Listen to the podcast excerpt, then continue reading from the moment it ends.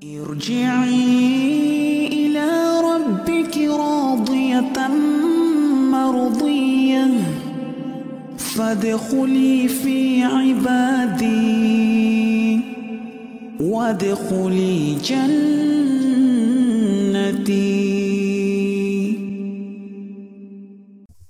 Baik. Assalamualaikum warahmatullahi wabarakatuh, Ustaz. Waalaikumsalam warahmatullahi wabarakatuh. Alhamdulillah. Alhamdulillah. Kita, ber, kita bertemu kembali. Baik Ustaz, uh, tadi kita sudah mulai dengan pembukaan Ustaz. Mungkin kita tidak berlama-lama lagi Ustaz, lah kita langsung masuk ke dalam kajian. Jadi waktu dan tempatnya kami persilakan kepada Ustaz. Tafadol Ustaz. Barakallahu fikum. Assalamualaikum warahmatullahi wabarakatuh. Waalaikumsalam. Innal hamdalillah nahmaduhu wa nasta'inuhu wa nastaghfiruh ونعوذ بالله من شرور أنفسنا ومن سيئات أعمالنا من يهده الله فلا مضل له ومن يضلل فلا هادي له وأشهد أن لا إله إلا الله وحده لا شريك له وأشهد أن محمدا عبده ورسوله اللهم صل وسلم وبارك على نبينا محمد وعلى آله وصحبه wa man tabi'ahum bi ihsanin ila yaumiddin amma ba'du. Alhamdulillah Bapak Ibu-ibu ikhwan dan akhwat fiddin rahimakumullah. Alhamdulillah kita bersyukur kepada Allah Subhanahu wa taala atas semua limpahan nikmat dan karunia-Nya. Dengan taufiknya kita dipertemukan kembali dalam forum kajian ilmiah yang diselenggarakan oleh sahabat ilmu rumah sakit dan mais ya. Masih dalam lanjutan pembahasan kitab yang sangat bermanfaat kitab Fiqhul Asmaul Husna, fikih atau memahami nama-nama Allah Subhanahu wa taala yang maha indah buah karya dari guru kita, syekh kita, Syekh Al-Allamah Abdul Razak bin Abdul Muhsin Al-Badr, hafizahumullahu taala. Alhamdulillah kita saat ini masih di pembahasan tentang keutamaan atau kemuliaan mempelajari atau kedudukan mempelajari nama-nama Allah Subhanahu wa taala yang maha indah dan sifat-sifatnya yang maha tinggi. Di pembahasan kita yang terakhir di pekan lalu insya Allah ya. Kalau tidak salah ingat kita terakhir membaca nukilan dari ucapan Syekhul Islam Ibnu Taimiyah rahimahullah taala tentang kedudukan ayat-ayat Al-Qur'an yang berisi penjelasan tentang nama-nama Allah Subhanahu wa taala dan sifat-sifatnya yang maha tinggi, yang maha indah. Sampai kita telah membaca hadis yang sahih di dalam sahih Muslim, Nabi Shallallahu alaihi wasallam pernah bertanya kepada sahabat yang mulia Ubay bin Ka'ab radhiyallahu taala anhu Abul Mundir, "Atadri ayya ayatin a'zamu fi kitabillah?" Ayya ayatin fi kitabillahi a'zam, apakah kamu mengetahui ayat apakah di dalam Al-Qur'an yang paling agung?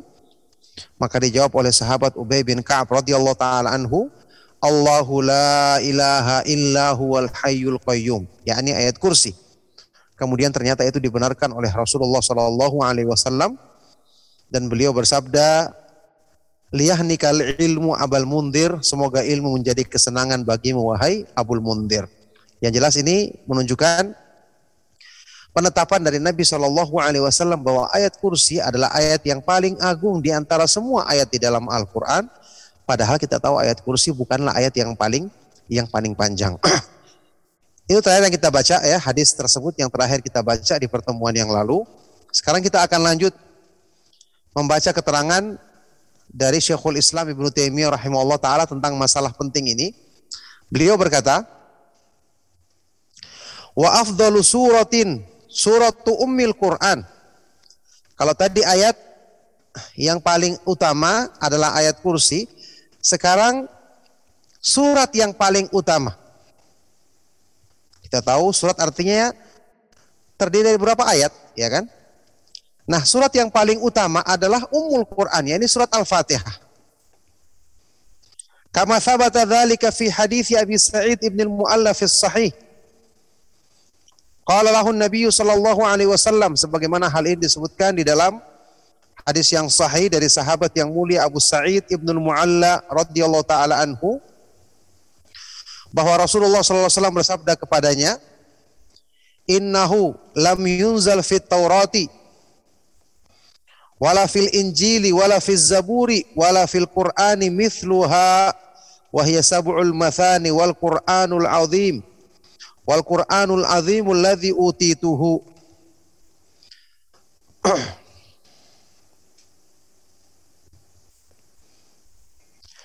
Sesungguhnya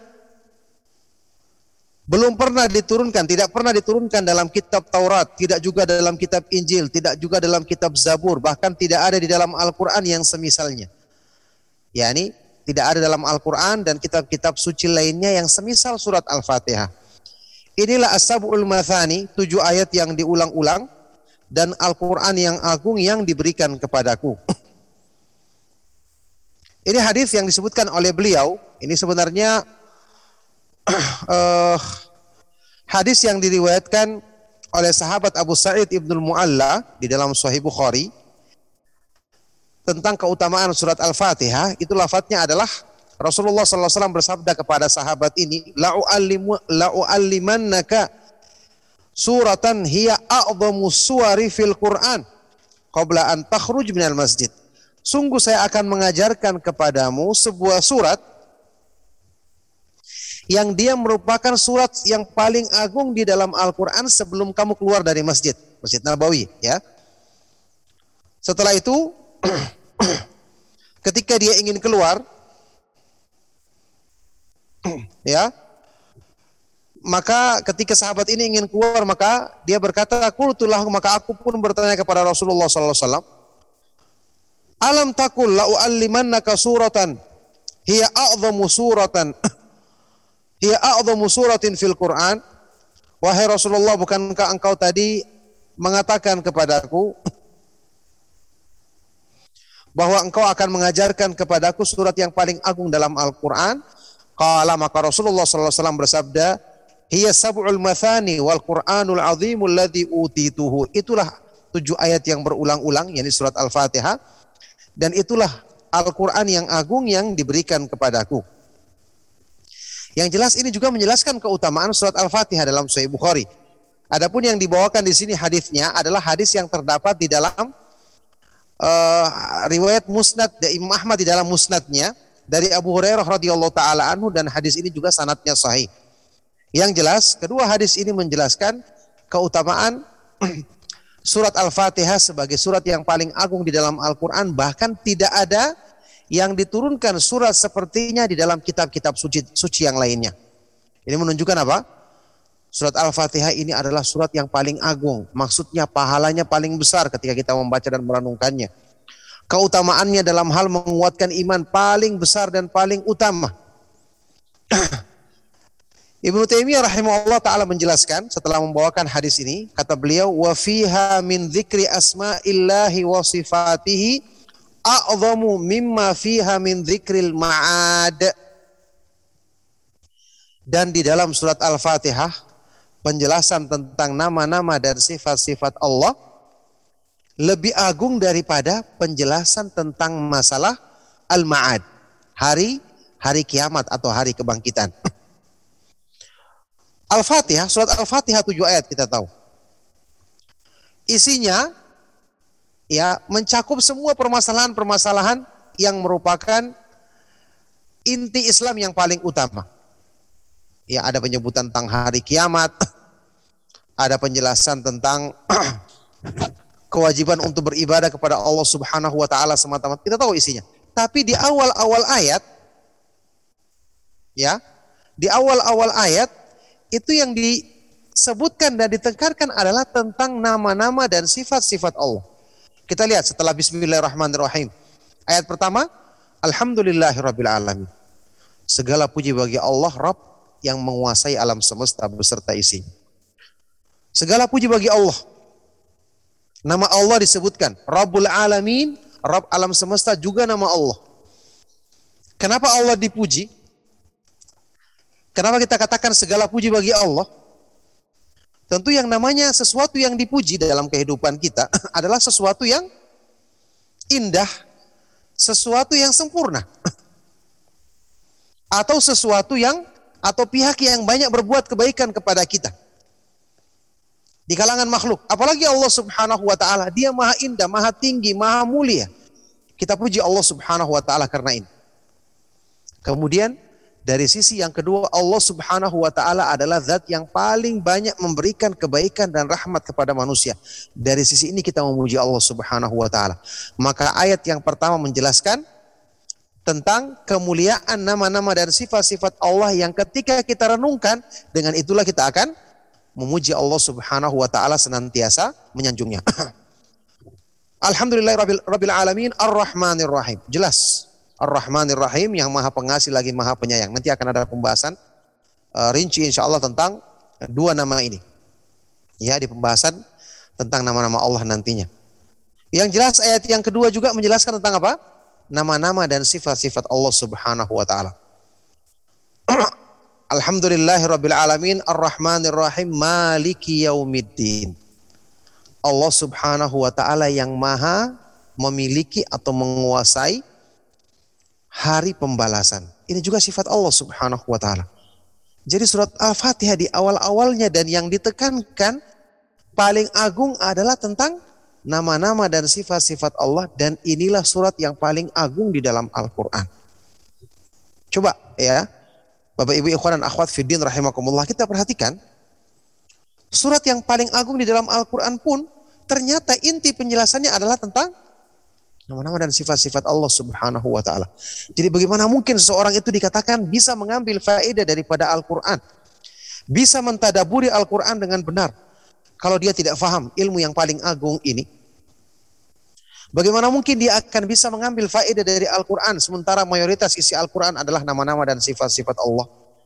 Sementara kandungan Al-Qur'an yang paling utama untuk direnungkan adalah yang berhubungan dengan nama-nama dan sifat-sifat Allah Subhanahu wa taala terbukti dengan keberadaan surat-surat dan ayat-ayat yang paling agung di dalam Al-Quran ternyata tema utamanya atau bahkan keseluruhannya adalah tentang nama-nama dan sifat-sifat Allah Subhanahu wa taala.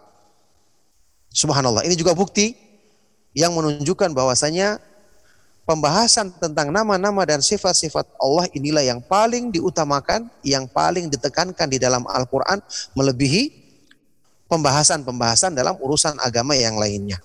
Baik, masih lanjut kata Ibnu Taimiyah setelah itu. Wa qad sahihi anhu min ghairi wajhin anna qul huwallahu ahad ta'dilu thulutsal Qur'an. Kemudian di dalam hadis yang sahih ya ini hadis sahih riwayat Imam Al-Bukhari dan Muslim dari Nabi Shallallahu alaihi wasallam dari berbagai jalur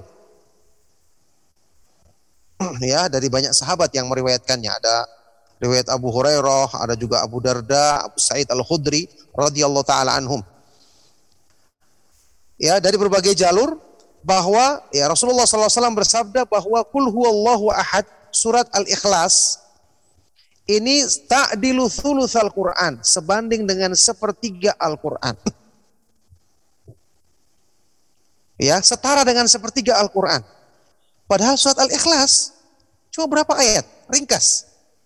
Jelas tidak ada kalau dari segi kuantitasnya, dari segi bilangan ayatnya tidak akan bisa dikatakan sebanding dengan sepertiga Al-Qur'an. Tapi ternyata Nabi SAW menyebutkan surat ini Innaha la ta'dilu thulutsal Qur'an. Sesungguhnya surat Al-Ikhlas ini atau Qul ahad ini benar-benar sebanding dengan sepertiga Al-Qur'an. Dari segi apanya? segi isi dan kandungan maknanya. Isinya tentang apa? Tentang nama-nama dan sifat-sifat Allah Subhanahu wa taala. Murni, tidak ada pembahasan lain. Makanya salah satu di antara pendapat para ulama ketika menjelaskan kenapa qul ahad disebut dengan surat Al-Ikhlas diambil dari kata-kata ikhlas, memurnikan karena isinya hanya tentang nama-nama dan sifat-sifat Allah Subhanahu wa taala. Jadi kandungan surat ini murni tentang penjelasan nama-nama dan sifat-sifat Allah Subhanahu wa taala. Ada juga pendapat lain yang mengatakan surat Al-Ikhlas karena kalau kita baca dan renungkan memudahkan kita untuk meraih ikhlas. Subhanallah, surat yang sependek ini kita hafal sejak kecil. Ternyata kandungannya luar biasa seperti itu. Keutamaannya, kemuliaannya, sebabnya dalam menumbuhkan iman. Dan isinya tentang nama-nama dan sifat-sifat Allah Subhanahu wa taala. Jadi, ikhwan dan akhwat fidin rahimakumullah,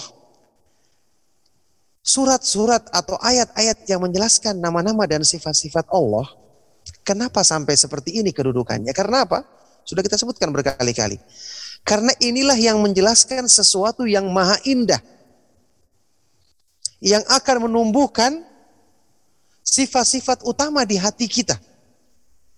Cinta kepada Allah, takut kepada Allah, berharap kepada Allah, bersandar kepada Allah, ridho kepada segala ketentuannya, seorang hamba yang hidup hatinya dipenuhi dengan sifat-sifat seperti ini, maka dia akan melangkah selalu untuk Allah.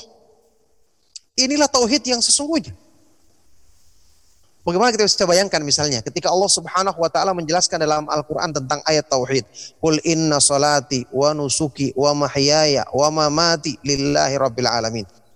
Katakanlah sesungguhnya salatku, sembelihanku, ya, hidupku dan matiku hanya untuk Allah Subhanahu wa taala semata-mata. Tidak akan bisa kita bayangkan orang bisa mempraktekkan mewujudkan ayat ini dalam kehidupannya sehari-hari kalau dia tidak mengenal Allah Subhanahu wa taala dengan benar yang dengan sebab itu dia akan menyandarkan semua yang ada pada dirinya, hidup dan matinya untuk Allah semata-mata. Sekarang saja baru kita dapatkan hal-hal yang membuat kita takut. Kita sudah lupa kepada Allah. Kita sudah jadikan sandaran kepada Allah itu ya urusan yang kesekian. Nanti saat-saat kita terdesak tidak ada yang lain baru kita ingat Allah. Padahal orang yang selalu ingat Allah, selalu Allah yang pertama kali ada di hadapannya. Sebab apa pun yang ya dia anggap besar, tetap dia yakin semua Allah Subhanahu wa taala yang harus pertama kali karena dialah pencipta sebab dan dia yang menentukan menentukan akibat. Yang menjadikan sebab itu berhasil atau tidak. Ya makanya tawakal memang tidak akan mungkin dikatakan bertentangan dengan mengambil sebab. Itu pasti. Oleh karena itu orang-orang yang mengatakan misalnya ya dalam kondisi sekarang ya orang yang meremehkan protokol kesehatan misalnya, orang yang tidak peduli dengan melakukan sebab ini jelas keliru. Salah. Ya, bertentangan dengan penjelasan para ulama kita. Akan tetapi orang yang berlebih-lebihan juga bersandar dengan sebab ini juga salah. Ini adalah orang yang tidak mengenal tauhid. Tidak mempraktekkan tauhid dengan benar. Tetap kita melakukan sebab, tapi sebelum kita melakukannya, kita bersandar dulu kepada yang menciptakan sebab. Sehingga sebesar apa pun sebab, kita yakin. Kalau kita bersandar kepada Allah, kita tidak perlu takut. Ketika para sahabat radhiyallahu taala anhum ajma'in dikepung oleh musuh-musuh dari berbagai kekuatan dengan jumlah yang besar, yang harusnya orang takut yang namanya dikepung dengan musuh yang bisa mengancam kita, Allah Subhanahu wa taala sebutkan di dalam Al-Qur'an tentang sikap mereka. Alladzina qala lahumun nasu innan nasa qad jama'u lakum fakhshawhum fazadahum imanan wa qalu hasbunallahu wa ni'mal wakil. Mereka adalah orang-orang yang ketika diancam oleh orang-orang munafik dengan mengatakan bahwa sejumlah besar manusia berkumpul untuk menyerang kalian. Takutlah kalian. Ya, apa yang mereka katakan? itu hanya menambah iman mereka dan mereka bahkan mengatakan hasbunallahu wa ni'mal wakil. Cukuplah Allah sebagai pelindung dan dia adalah sebaik-baik penolong. Hasbunallahu wa ni'mal wakil. Para sahabat ketika mengucapkan ini ya, para sahabat ketika mengucapkan ini mereka bukan berarti hanya berpangku tangan, mereka juga berperang mereka juga melawan orang-orang kafir dengan senjata. Tapi sandaran hati mereka bukan kepada persiapan fisik. Tapi kepada Allah Subhanahu wa taala mereka makanya mereka yakin waktu mengucapkan hasbunallahu wa ni'mal wakil. Cukuplah Allah Subhanahu wa taala sebagai pelindung dan dia adalah sebaik-baik penolong. Memang ya seperti yang sudah kita sebutkan, tauhid ini berhubungan dengan masalah praktek. Ketika kita bicara secara teori gampang. Tapi ketika nanti ada sesuatu yang ada di hadapan kita yang membutuhkan kita praktek dan praktek ini adalah cermin apa yang ada di hati kita. Ini baru kelihatan kualitas tauhid kita yang sesungguhnya. Kita bicara masalah tauhid, kita hanya takut kepada Allah Subhanahu wa taala. Tapi pada kenyataannya di lapangan banyak hal-hal yang dari urusan dunia yang membuat kita takut sehingga ketakutannya berlebihan. Ketakutannya berlebihan. Ini salah. ya, ini adalah hal yang bisa menjerumuskan kita ke dalam penyimpangan tauhid. Makanya sudah berapa kali saya jelaskan di kajian-kajian kita yang lalu, ya, bahwa apa yang terjadi dalam kehidupan sehari-hari itu bisa mempengaruhi tauhid di hati kita atau mengambil tempat di hati kita yang harusnya ditujukan kepada Allah. Hal-hal yang menakutkan sering kita lewati dalam kehidupan kita. Nah kalau di hati kita porsi rasa takut kepada Allah tidak dominan, ini yang jadi masalah nantinya. Oleh karena itu kan selalu saya katakan, kita tidak bisa menunda-nunda untuk mengenal Allah. Karena ini berbahaya, menjadikan hati kita kosong dari rasa takut yang sesungguhnya. Pengharapan yang sebenarnya, penyandaran hati yang sesungguhnya. Akhirnya ketika hati kita kosong, muncul urusan-urusan dunia yang mengambil tempat tadi, rasa takut pada makhluk, bersandar kepada makhluk, berharap kepada makhluk, ini akan mengambil tempat di hati sehingga setelah itu tempat untuk takut kepada Allah, bersandar kepada Allah, berharap kepada Allah menjadi kurang. Sehingga ketika makin banyak hal-hal yang kita hadapi dalam kehidupan sehari-hari, makin banyak tempat ini diambil. Ini yang menjadikan kalau orang terlambat dalam mempelajari nama-nama dan sifat-sifat Allah, akan menjadikan menjadi sebab dia akan rusak dalam urusan tauhidnya. Oleh karena itu tauhid ingat bukan cuma sekedar teori. Membutuhkan praktek. Butuh untuk kita latih dalam kehidupan kita sehari-hari. Oleh karena itu mengenal Allah Subhanahu wa taala ini adalah harus segera kita usahakan agar kita bisa mengisi hati kita dengan uh, sifat-sifat utama yang seharusnya memang mengisi dan mendominasi hati kita. Ketika inilah kita akan menjalankan hidup kita selalu dengan tauhid kepada Allah Subhanahu wa taala dan ketika inilah kita akan dijauhkan dari berbagai macam keburukan-keburukan karena kita selalu dekat dengan Allah Subhanahu wa taala sebagaimana yang Allah janjikan tentang keutamaan tauhid alladzina amanu walam yalbisu imanahum bidzulmin ulaika lahumul amnu wa hum muhtadun. Orang-orang yang beriman dan tidak mencampur adukan imannya dengan kezaliman. Mereka inilah orang-orang yang selalu mendapatkan keamanan dan mereka selalu mendapatkan petunjuk. Ingat, sejauh mana kita punya iman yang tidak tercampur dengan syirik, itulah yang dijamin keamanan yang sempurna. Allah amankan dia, Allah selamatkan dia dari semua yang ditakutkannya. Oleh karena itu, tauhid yang benar ya dalam pengertian yang benar inilah inti dari segala keselamatan dan kebaikan kita di dalam menjalankan kehidupan kita. Nah, barakallahu fikum. Taib, selanjutnya masih penjelasan tentang dalil yang menunjukkan keutamaan ayat-ayat atau surat-surat yang mengandung nama-nama dan sifat-sifat Allah Subhanahu wa taala. Kata Ibnu Taimiyah, masih lanjutan ucapan beliau, wa thabata fis sahihi annahu bashara alladhi kana yaqra yaqra'uha wa yaqulu inni la uhibbuha li'annaha sifatur rahman bi anna Allah yuhibbuhu. Dan disebutkan di dalam hadis yang sahih dari Nabi sallallahu alaihi wasallam. Ya di dalam sahih Bukhari. Juga dalam sahih Muslim. Nah, dalam Sahih Bukhari ya, dalam Sahih Muslim juga. Dari Rasulullah Shallallahu Alaihi Wasallam bahwa beliau memberikan kabar gembira kepada seorang sahabat yang selalu membaca surat Al-Ikhlas. Dan ketika ditanya alasannya maka dia mengatakan sahabat ini mengatakan radhiyallahu taala anhu bahwa sesungguhnya aku mencintai surat ini, aku benar-benar mencintai surat ini karena mengandung sifat Allah yang Maha Pemurah. Rasulullah SAW mengatakan, bahwasanya Allah Subhanahu wa taala mencintainya. Ini hadis yang ya isinya adalah tentang sekelompok sahabat yang diutus oleh Rasulullah Shallallahu Alaihi Wasallam untuk satu keperluan berjihad di jalan Allah. Diutuslah pasukan ini dengan seorang sahabat yang dijadikan sebagai pemimpin rombongan. Kemudian dia yang menjadi imam. Setiap kali dia melaksanakan sholat, selalu dia setelah membaca surat Al-Fatihah, membaca surat pendek, selalu diakhiri ditambah lagi dengan surat Al-Ikhlas. Ya, sehingga sebagian dari para sahabat yang hadir mempertanyakan hal ini. Kemudian setelah mereka kembali, intinya ringkasnya setelah mereka pulang, mereka melaporkan hari ini kepada Rasulullah Sallallahu Alaihi Wasallam.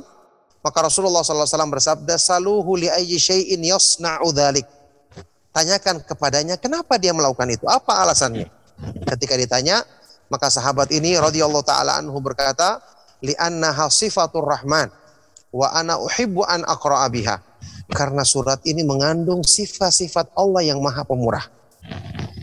Jadi para sahabat telah mengetahui bahwa surat-surat seperti surat Al-Ikhlas ini menjelaskan tentang sifat-sifat Allah dan aku mencintai sifat-sifat Allah. Jelas orang akan mencintai karena sifat-sifat Allah adalah maha tinggi, maha sempurna.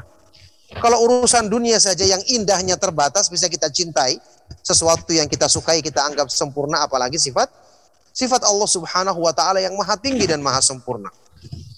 Nah, jadi saya menyukainya, suka membaca surat ini karena mengandung sifat-sifat Allah Ar-Rahman yang maha pemurah. Setelah disampaikan kepada Nabi SAW alasan ini, maka beliau bersabda, Akhbiruhu annallaha yuhibbuhu. Sampaikan kepadanya bahwasanya Allah Subhanahu wa taala mencintainya. Subhanallah, ya. Jalan termudah untuk mencapai ketingkatan yang paling tinggi. Dicintai oleh Allah adalah mencintai sifat-sifatnya. Mempelajari kemahaindahan nama-namanya, kemahatinggian sifat-sifatnya yang ini pasti akan menarik hati kita untuk mencintai Allah Subhanahu wa taala. Karena fitrah manusia akan mencintai sesuatu yang indah, yang maha indah. Fitrah manusia akan tunduk dengan sesuatu yang maha tinggi, maha besar, maha kuat, dan maha perkasa. Fitrah hati manusia akan selalu bersandar kepada yang maha kuat dan maha perkasa. Semua ada pada Allah subhanahu wa ta'ala. Maka dengan sendirinya hati kita akan diliputi dengan sifat-sifat tadi dengan semakin kita mengenal Allah subhanahu wa ta'ala. Jadi sahabat ini meraih kecintaan Allah subhanahu wa ta'ala karena kegemarannya membaca surat Al-Ikhlas dan merenungkan isinya. Bayangkan surat yang demikian ringkas bisa menjadi sebab sahabat-sahabat ini meraih kedudukan dan keutamaan yang demikian mulia di sisi Allah Subhanahu wa taala. Nah, kata Ibnu Taimiyah rahimahullah taala, "Fabayyana anna Allah yuhibbu man yuhibbu."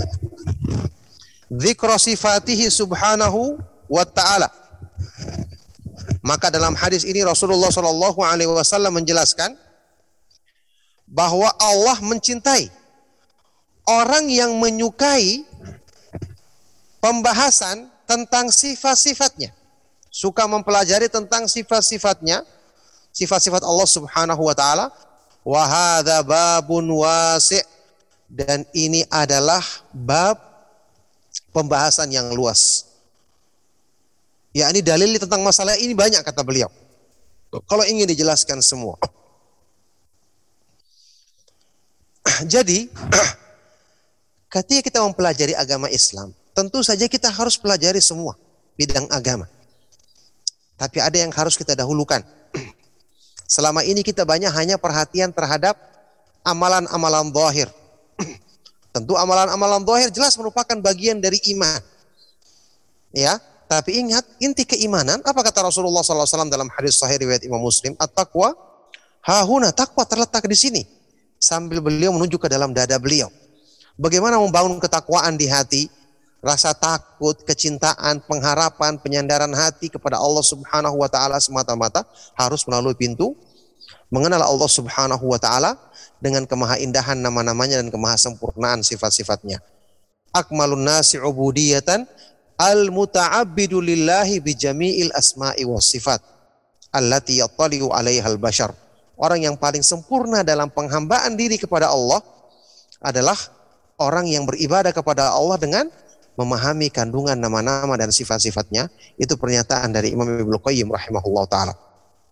Oleh karena itu, pemahaman tentang hal ini inilah yang menjadikan orang-orang yang beriman itu berlomba-lomba meraih kedudukan-kedudukan yang tinggi. Ya, sehingga merugi dengan kerugian yang besar orang yang tidak perhatian untuk memahami dan mendalami ilmu yang agung ini. Selesai penjelasan ucapan uh, dari Syekhul Islam Ibnu Taimiyah rahimahullah taala dinukil dari kitab Dar Darut Ta'arudil Aqli wan Nakal, ya. Selanjutnya kata Syekh Abdul Razak hafizahullah taala wa kullu hadha wadihud dalalati ala ahammiyati hadzal ilmi syarifi wa idhami sya'nihi wa kathrati khairatihi wa awaidihi. Semua ini dengan jelas menunjukkan. Semua penjelasan ini dengan jelas menunjukkan tentang pentingnya ilmu yang agung ini tentang pentingnya ilmu yang mulia ini, agungnya kedudukannya serta banyaknya kebaikan dan faedahnya. Bukan cuma paling utama, bukan cuma paling besar keutamaannya ketika kita mempelajarinya, membahas membaca dan merenungkan ayat-ayat dan surat-surat tentang nama-nama dan sifat-sifat Allah. Bukan cuma itu, faedahnya paling besar. Ya, menjadikan dasar keimanan kita tumbuh dengan benar. Menjadikan iman kita hidup karena ini ruhnya. Menjadikan ketenangan di hati kita benar-benar sempurna. Yang dengan tenang hati kita, kita akan mudah ikhlas kita akan mudah untuk selalu bersandar kepada Allah Subhanahu wa taala. Kita akan dimudahkan untuk menjalankan kehidupan kita dengan baik. Dan ini adalah perhiasan perhiasan iman yang sejauh mana kita sempurnakan perhiasan iman di dunia ini demikianlah keutamaan yang kita akan dapatkan di akhirat nanti sebagaimana yang saya pernah jelaskan di pertemuan pertemuan yang lalu. Wa annahu aslun min usulil iman dan bahwasanya ini adalah dasar dari dasar-dasar iman. Wa ruknun min din rukun tiang utama penopang dari penopang-penopang agama Islam. Wa asasun min ususi millatil Islam. Dan ini adalah pondasi dari pondasi-pondasi agama Islam. Alaihi tubna maqamatu dinir rafi'atu wa manaziluhul aliyatu yang di atasnya lah akan dibangun kedudukan-kedudukan agama yang tinggi dan tingkatan-tingkatannya yang agung. Wa kaifah yastaqimu amrul basyariyati wa tasluh halun nasi biduni ma'rifatihim bifatirihim wa bari'ihim wa khaliqihim wa raziqihim maka bagaimana mungkin keadaan manusia bisa lurus dan menjadi baik tanpa mereka mengenal Allah Subhanahu wa taala. ya, tanpa mereka mengenal nama-nama Allah Subhanahu wa taala yang maha indah, sifat-sifatnya yang maha tinggi. tanpa mereka mengenal penciptanya, ya, pemberi rezeki dan pengatur keadaan mereka yaitu Allah Subhanahu wa taala. Wa duna ma'rifatihim bi asma'ihil husna wa sifatihil ulia wa nu'utihil kamilati dalati ala kamalihi wa jalalihi wa azamatihi.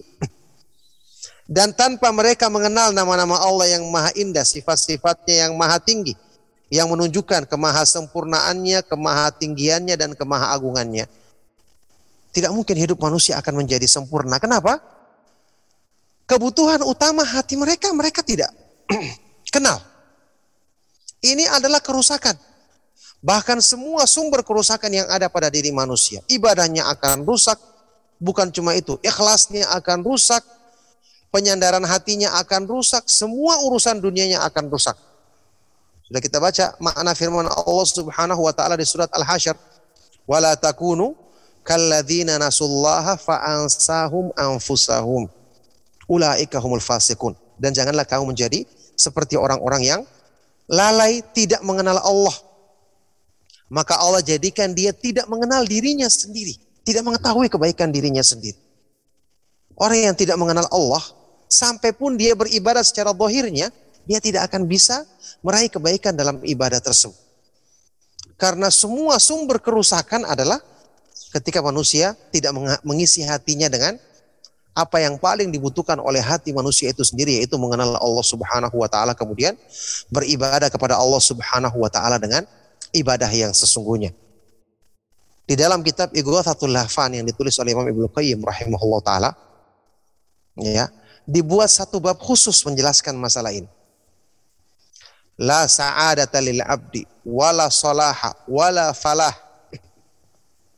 Ya, tidak ada kebahagiaan, tidak ada kesenangan, tidak ada kebaikan sama sekali bagi seorang hamba kecuali sampai dia menjadikan Allah subhanahu mengenal Allah Subhanahu wa taala, menjadikan Allah Subhanahu wa taala sebagai satu-satunya sembahannya yang paling dicintainya dan puncak dari segala tujuannya mencintainya melebihi daripada segala apa pun yang ada di dunia ini. Tidak ada kebaikan. Ingat mencintai Allah fitrah manusia, betul. Tapi kecintaan ini harus disempurnakan. Kita mengenal Allah secara umum, yang dengan sebab ini kita mencintai Allah, tapi kecintaan kita kepada Allah kita harus sempurnakan dengan merenungkan ayat-ayat Al-Quran. Untuk tujuan inilah Al-Quran diturunkan. Agar kita menyempurnakan kecintaan kita kepada Allah. Agar ketika kita mencintai Allah lebih daripada kecintaan kita kepada apa pun yang ada di dunia ini. Supaya nantinya sewaktu kita dalam kehidupan di dunia menemukan sesuatu yang indah, menemukan pihak-pihak yang berbuat baik kepada kita, kita ingat kita memuji pelaku kebaikan tersebut atau kita mencintai sesuatu yang indah tersebut tapi kecintaan ini kita harus selalu kembalikan kepada Allah Subhanahu wa taala. Kita mencintai sesuatu yang indah kita katakan ya Allah Subhanahu wa taala yang mencinta yang yang menciptakannya tentu lebih indah. Maka semakin kita mengenal keindahan makhluk, kita akan semakin cinta kepada Allah Subhanahu wa taala karena Allah Subhanahu wa taala Maha Indah melebihi daripada keindahan yang ada pada makhluk. Demikian pula kebaikan makhluk. Sewaktu kita memuji makhluk, tetap kita memuji Allah Subhanahu wa taala karena kebaikan yang dilakukan oleh makhluk kepada kita sumbernya dari Allah Subhanahu wa taala karena tidak mungkin mereka bisa berbuat baik kepada kita sampai orang tua kita sendiri kalau bukan karena taufik dari Allah Subhanahu wa taala sehingga orang tua itu sayang kepada anaknya. Ini semua faedahnya dengan kita mengenal Allah Subhanahu wa taala sehingga kita tidak salah mengarahkan cinta kita kepada makhluk secara berlebihan sehingga menjadikan merusak kecintaan kita yang sebenarnya yang harusnya ditujukan kepada Allah Subhanahu wa taala. Nah, baik. Wa annahul ma'budu bihaqqin la ma'buda bihaqqin siwahu. Dan bahwasanya Allah Subhanahu wa taala dialah sembahan yang benar satu-satunya, tidak ada sembahan yang lain, tidak ada sembahan yang benar selainnya. Walakinna walakinna aktsaran nasi syaghalahum ma amma amma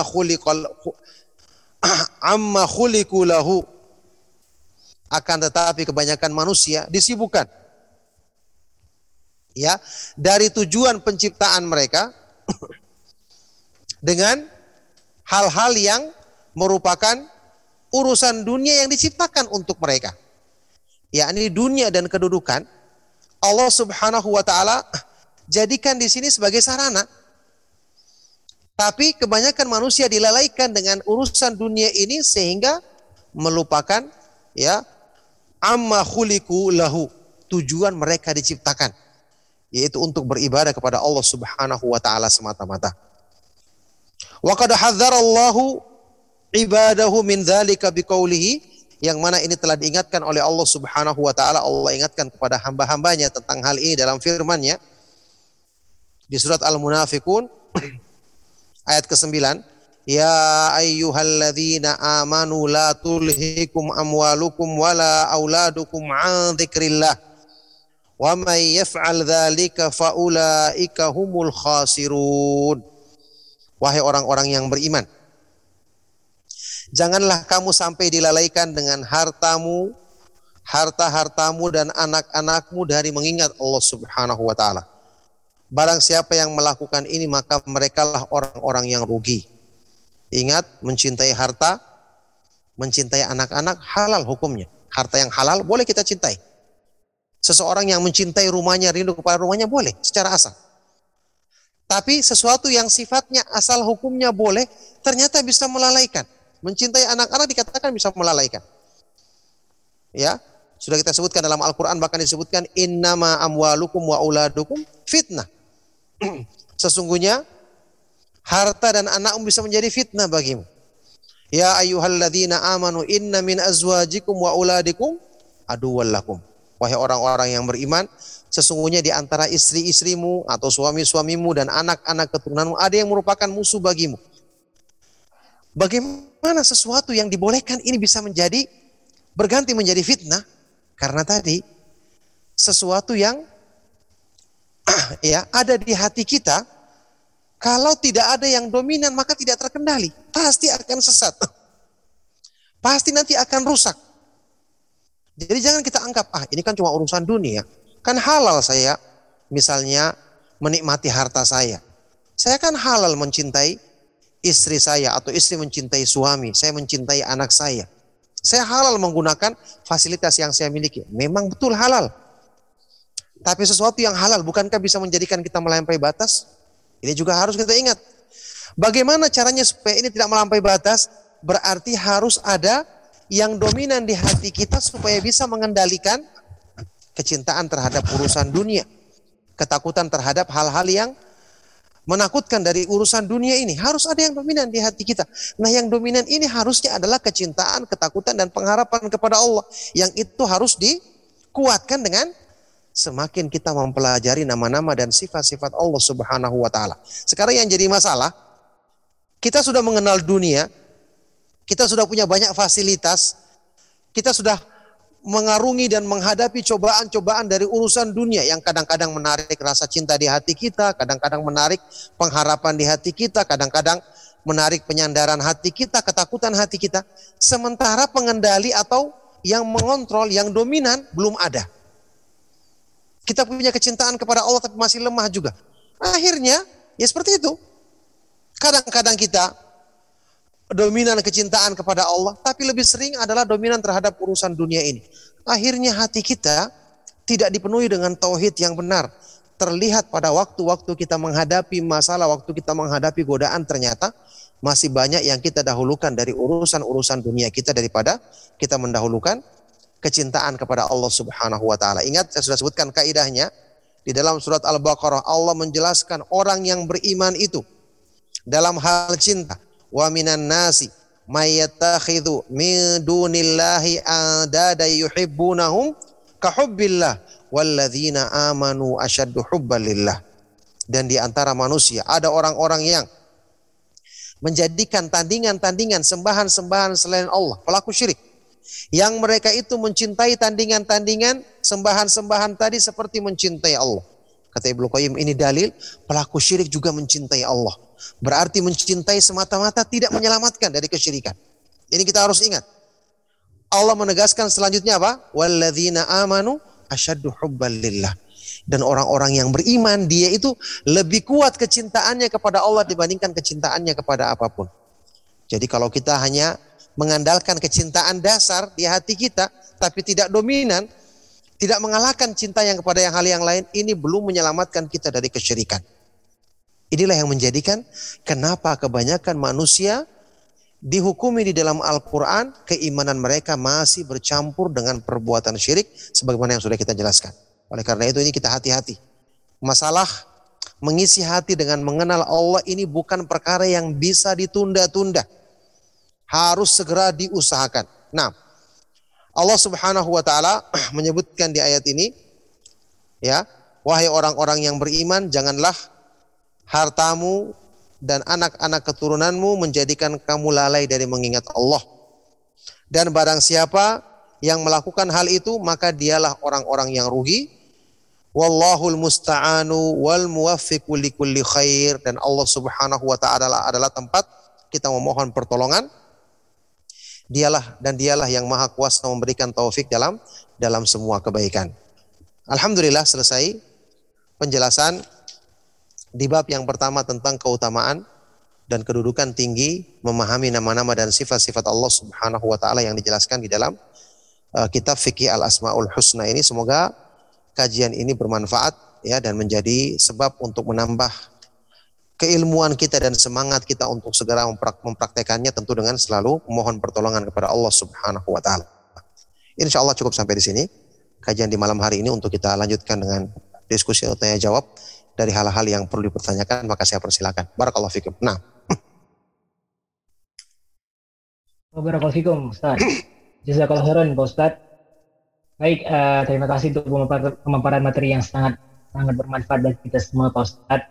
Baik, uh, kita akan masuk ke dalam sesi tanya jawab. Kembali kami ingatkan kepada peserta yang ingin langsung bertanya atau berkomunikasi dengan Pak Ustaz dapat menggunakan fitur raise hand-nya dan kita akan langsung bersambungkan ke Pak Ustadz.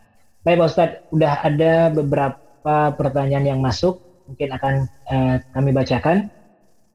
Uh, yang pertama Pak Ustadz ini ada pertanyaan dari seorang ikhwan kita. Assalamualaikum Pak Ustadz, semoga Allah Ta'ala menjaga dan melindungi antum serta jamaah kajian kini semua. Amin. amin. Ustadz Afwan, izin bertanya, bagaimana cara untuk menghadirkan kecintaan kepada Allah Ta'ala di setiap aktivitas aktivitas ibadah kita? Apakah rasa raja dan kauf ini juga bagian dari kita mencintai Allah Ta'ala? Syukron, jazakallah khairan Ustaz. Iya, barakallahu fikum. Pertanyaan yang sangat baik sekali. Semoga Allah Subhanahu wa taala senantiasa melimpahkan kebaikan kepada antum yang bertanya dan juga kepada kita semua bagaimana cara menghadirkan cinta kepada Allah dalam setiap aktivitas kita? Ya sebenarnya sudah kita sebutkan berkali-kali. Cinta itu kan timbulnya karena kita uh, mengagumi sesuatu. Baik dari segi keindahannya atau dari segi kebaikan-kebaikannya. Pertanyaannya sederhana. Kenapa kita mencintai ibu kita? Karena ibu kita yang paling baik. Melahirkan kita, kemudian mengasuh kita, sampai kita jadikan dia adalah orang yang paling kita cintai dalam di antara semua manusia. Ya. Maka kalau kita renungkan itu, Allah Subhanahu wa taala semua kebaikan ada padanya. Semua nikmat yang ada pada kita dari dari Allah Subhanahu wa taala. Bahkan sampai orang tua kita sayang kepada kita, ibu sayang kepada anaknya adalah karena taufik dari Allah Subhanahu wa taala. Oleh karena itu tidak ada yang lebih baik yang lebih baik, lebih sempurna kebaikannya dibandingkan Allah Subhanahu wa taala. Dengan merenungkan ini kita akan semakin mencintai Allah Subhanahu wa taala. Kemudian juga merenungkan kemaha indahannya. Itulah sebabnya kita perlu mempelajari nama-nama dan sifat-sifat Allah agar kita semakin mencintai Allah Subhanahu wa taala. Makanya oleh karena itu ya eh, masalah roja dan khauf. roja artinya berharap, takut artinya ya ketakutan kepada Allah Subhanahu wa taala. Ini juga kita harus murnikan dan jadikan yang paling besar adalah tertuju kepada Allah Subhanahu wa taala. Apakah ini merupakan bagian dari cinta? ya. Ibnu Qayyim rahimahullah taala menjelaskan bahwa kecintaan itu adalah asal. Kecintaan itu adalah asal. Takut takut ini bisa merupakan termasuk bagian dari cinta karena namanya takut itu artinya kita takut Termasuk di antara maknanya adalah kita takut jauh dari yang kita cintai. Kita takut jauh dari yang dicintai, yang kita cintai. Makanya kita takut kepada Allah Subhanahu wa taala karena kita tidak ingin berbuat maksiat karena kita jauh dari Allah, karena Allah Subhanahu wa taala murka kepada kita. Kita takut kepada Allah Subhanahu wa taala karena kita takut azabnya yang maha keras. Kita takut Allah Subhanahu wa taala mencabut kita dari kebaikan-kebaikannya. Demikian pula rojak berharap kepada Allah Subhanahu wa taala kita tumbuhkan dalam dalam diri kita karena kita yakin cuma Allah Subhanahu wa taala yang memiliki segala perbendaraan yang ada di langit-langit dan di bumi yang semua kita butuhkan di dalam kehidupan kita di dunia apalagi di akhirat nanti. Maka semua ini kita tumbuhkan ya setelah taufik dari Allah Subhanahu wa taala adalah dengan sebab kita semakin mengenal kemahaindahan nama-namanya dan kemahasempurnaan sifat-sifatnya. Jadi sebenarnya contoh sederhananya adalah dalam kehidupan kita saja. Kenapa kita mengharapkan sesuatu? Contoh misalnya, orang bekerja. Dia mengharapkan gaji. Ya, dia mengharapkan gaji. Karena yang terbiasa mungkin memberikan gaji dia itu adalah bendahara ya di kantornya atau yang lainnya. Lama kelamaan timbul pengharapannya kepada bendahara tersebut. Akhirnya dia akan berusaha baik-baik kepada orang tadi. nah, ini yang namanya berharap. Kalau seandainya dia renungkan bahwa bendahara atau siapa pun yang ditugaskan untuk memberikan uh, gaji kepada dia tidak akan bisa melakukannya kalau Allah Subhanahu wa taala tidak mengizinkan. Maka harusnya dia merenungkan, kenapa saya harus berharap kepada makhluk sementara makhluk ini tidak memilikinya. Jangankan satu orang makhluk, apa kata Rasulullah SAW? Wa'lam annal ummata law ijtama'u ala ayan fa'uka bi syai'in lam yanfa'uka illa bi syai'in pada kata bahwa Ketahuilah bahwa semua umat manusia kalau mereka bersatu padu, semua bukan cuma satu, dua atau tiga orang mereka semua bersatu untuk memberikan kebaikan bagimu, mereka tidak akan bisa kecuali dengan kebaikan yang telah Allah takdirkan kamu akan dapatkan. Jadi biar bendahara, pimpinan, bahkan orang yang sudah membawakan uang di hadapan kita, kalau Allah tidak menghendaki, ternyata mungkin uang tersebut belum sampai, tiba-tiba diambil orang atau hilang atau yang lainnya, terjadi kalau Allah Subhanahu wa taala menghendakinya. Makanya kita mengharapkan kepada makhluk ya kita memberikan pengharapan yang tinggi rugi kita karena makhluk ini tidak memiliki. Jangankan yang bukan di tangannya yang di tangannya saya tidak dimilikinya. Karena Allah Subhanahu wa taala bisa menghadir meng, menakdirkan dengan kemahakuasaannya untuk hilangnya hal yang sudah ada di tangan makhluk tersebut. Apalagi yang bukan ada di tangannya itulah cara kita menumbuhkan rasa takut kita kecintaan kita pengharapan kita kepada Allah dengan perenungan tadi dan ingat perenungan ini adalah buah dari kita membaca ayat-ayat Al-Quran, setelah kita memahami bagaimana cara uh, fikih pemahaman yang benar dari pemahaman tentang nama-nama Allah Subhanahu wa taala yang maha indah dan sifat-sifatnya yang maha tinggi yang kita kuatkan dan tingkatkan seiring dengan semakin banyak kita baca ayat-ayat Al-Qur'an dengan perenungan yang benar. Nah, barakallahu fikum. Baik, wabarakatuh Ustaz. Uh, jazakallahu khairan. Baik, uh, Pak Ustaz, ini ada salah satu peserta ikhwan kita ya. yang ingin langsung bertanya kepada Pak Ustadz menggunakan fitur resen, kami persilakan kepada Bapak Chef Muhawan. Tafadol Pak, silakan langsung di unmute saja. Assalamualaikum warahmatullahi wabarakatuh Ustaz. Waalaikumsalam warahmatullahi wabarakatuh. Silakan Pak, barakallahu fikum. Barakallahu fiik wa barakallahu fikum. Uh, Ustaz, uh, ada dua pertanyaan. Yang pertama, uh, seperti kita ketahui bagaimana uh, tasawuf uh, tasawuf dalam pandangan Islam terutama dalam memahami uh, Asmaul Husna ini.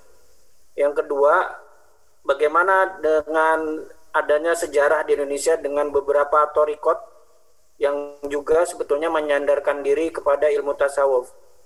Syukron Ustadz. Iya, barakallahu fikum. Pertanyaan sangat baik sekali ya tentang dari beliau yang bertanya semoga Allah Subhanahu wa taala senantiasa melimpahkan kebaikan dan rahmatnya kepada antum yang bertanya dan juga kepada kita semua. Ya, pertama mengenai ilmu tasawuf. Ya, eh, sebelum saya jawab nanti saya sebutkan dulu secara ringkas saja Syekhul Islam Ibnu Taimiyah rahimahullah taala dan para ulama menjelaskan tasawuf itu sebenarnya istilah yang tidak ada asal usulnya dalam Islam. Jadi dari ini saya sudah kita ketahui tasawuf itu tidak ada dalilnya dalam Islam dari segi penamaannya. Mereka mengartikan tasawuf itu kan diambil dari kata-kata so, sad, waw, fa. Ya suf atau sauf. Ya suf itu artinya bulu domba. Jadi tasawuf itu artinya nisbah kepada bulu domba. Ya. Yang mereka anggap sebagai pakaian yang menunjukkan kezuhudan. Ini semua ternyata adalah perkara yang mengada-ngada. ya.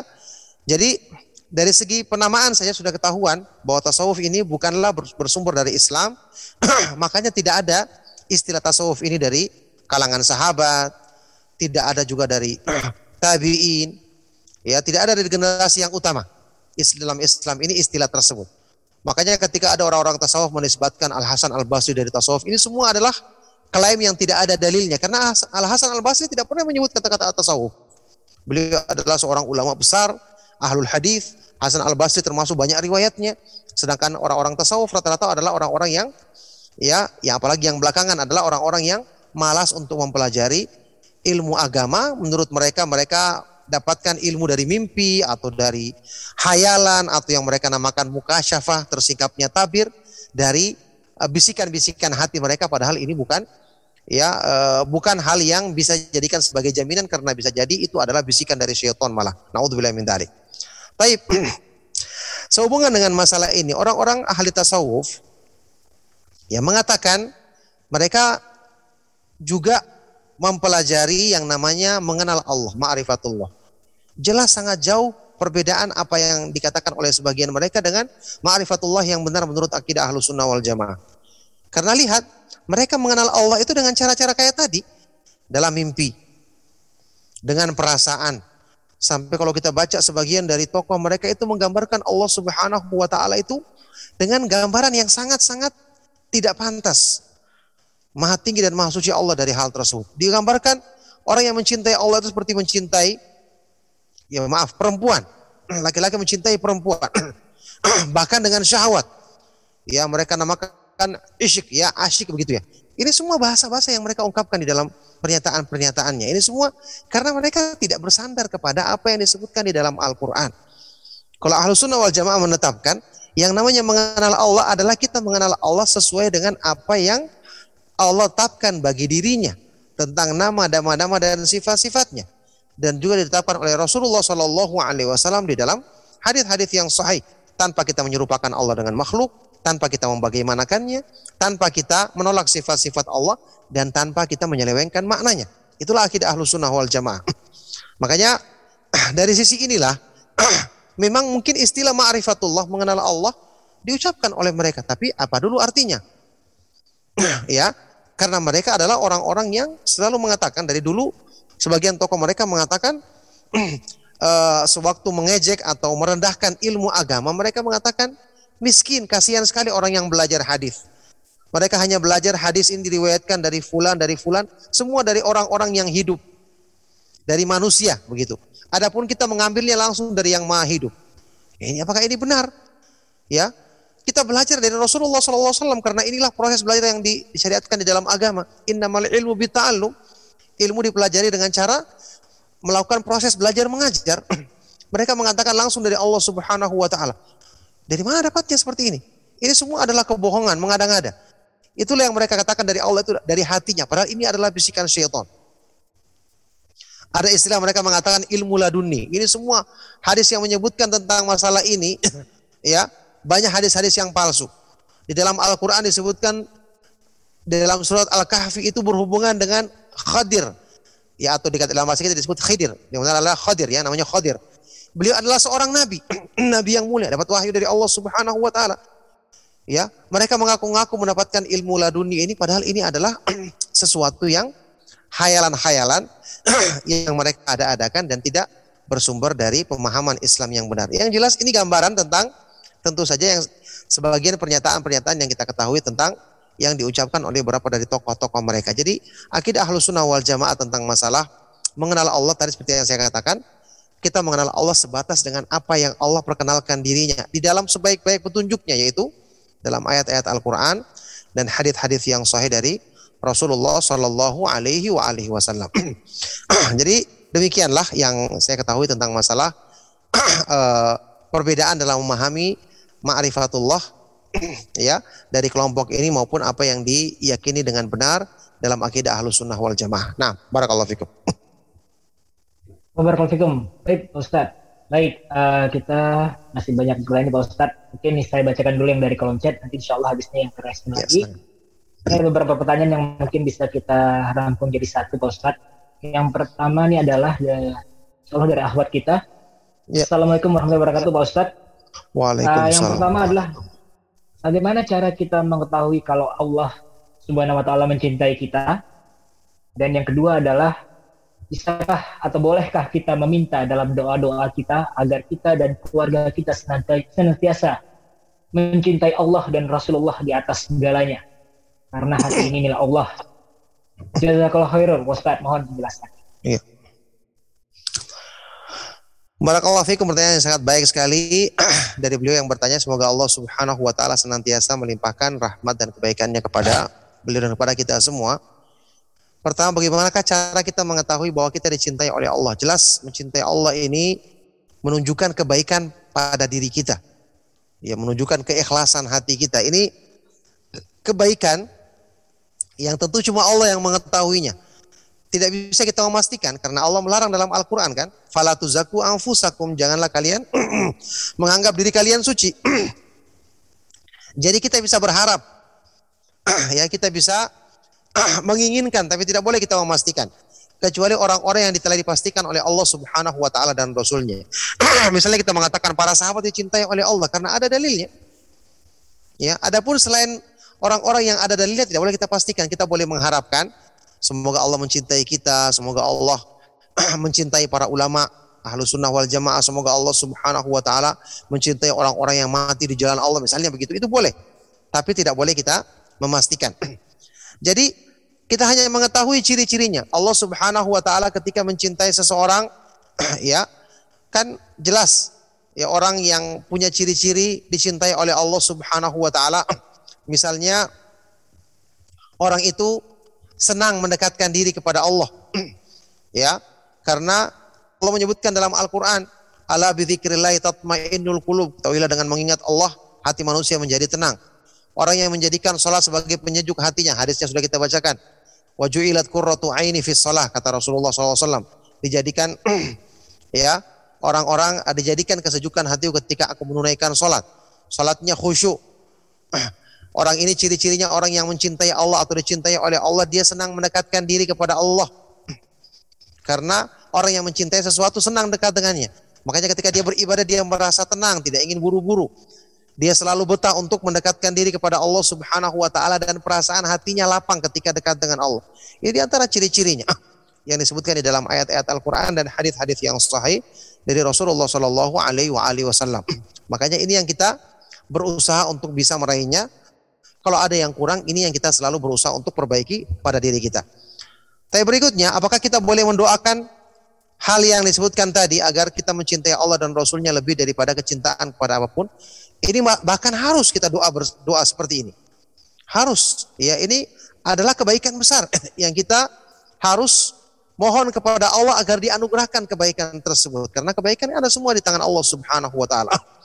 Rasulullah SAW mengajarkan doa seperti ini di dalam banyak hadis yang sahih di antaranya beliau mengajarkan Allahumma inni as'aluka hubbaka wa hubba man yuhibbuka wa hubba amalin yuqarribuni ila hubbika.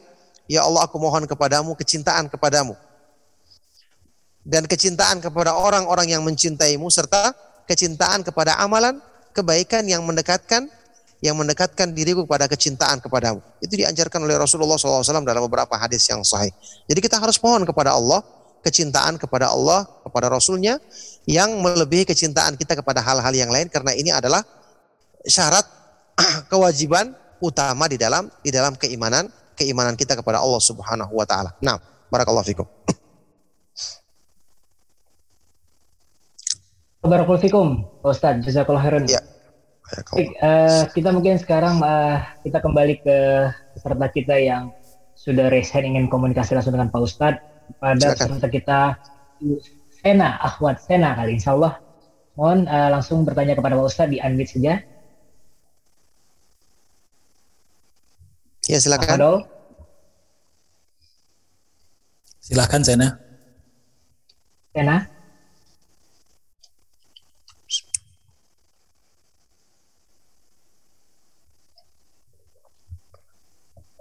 Ya mungkin beralih. Mungkin mungkin nah, lagi beralih ya. Baik, mungkin ya ke yang berikutnya Harisan juga ya, uh, Pak Ustadz. Uh, kepada Ikhwan kita Ibnu Roshid. Silakan Bapak Ibnu Roshid. Bismillah. Assalamualaikum warahmatullahi wabarakatuh. Waalaikumsalam warahmatullahi wabarakatuh. Silakan Pak. Jazakallahu khair Ustaz. Ana mau nanya terkait dengan uh, bahwa amalan amalannya uh, salah satu salah satu sahabat Nabi yang uh, terkenal itu Bilal. Bagaimana beliau mendawamkan untuk uh, wudhu uh, uh, sholat dua rakaat setelah wudhu. Nah ini uh, Anda ingin bertanya hmm. jika kita mendawamkan satu amalan sunnah yang uh, uh, satu amalan sunnah yang mungkin kita tidak apa tidak akan pernah meninggalkan itu uh, dibanding dengan amal-amal sunnah yang lain. Itu apakah akan menimbulkan uh, kecintaan kita kepada Allah dan me, bisa membawa uh, apa uh, berbuah pahala uh, kebaikan seperti yang diperoleh oleh uh, sahabat Bilal. Uh, kemudian yang kedua, jika ap apakah mampu mengontrol emosi itu termasuk ciri-ciri uh, bahwa orang itu uh, kedekatannya dengan Allah, uh, kecintaannya kepada Allah itu uh, maksudnya menimbulkan uh, kecintaan kepada Allah itu mampu menimbulkan untuk uh, mengelola emosi dengan baik. Ya. Demikian. Ya. Allah khair. Assalamualaikum. Waalaikumsalam warahmatullahi wabarakatuh. Iya pertanyaan yang baik sekali dari beliau. Semoga Allah Subhanahu wa taala senantiasa melimpahkan kebaikannya kepada beliau, keluarga dan kepada kita semua. Iya masalah kisah Bilal radhiyallahu taala anhu yang disebutkan di dalam hadis yang sahih Rasulullah SAW mendengar uh, langkah kakinya di surga dan ditanyakan oleh beliau Wasallam bahwasanya beliau setiap kali berwudu setiap kali batal wudhunya maka beliau segera berbaharui wudhu dan melaksanakan sholat sholat sunnah setelah itu. Ini menunjukkan keutamaan memperbaharui wudhu setiap kali batal. Yang kedua keutamaan melaksanakan sholat sesudah berwudhu. Nah keutamaan yang berhubungan dengan apa yang dilaksanakan oleh Bilal ini itu telah ada disebutkan di dalam hadis-hadis yang sahih. Jelas kemungkinan Bilal radhiyallahu taala anhu telah mendengarnya. Kemudian dia praktekkan. Maka ini terjadi di kalangan sahabat yang lain.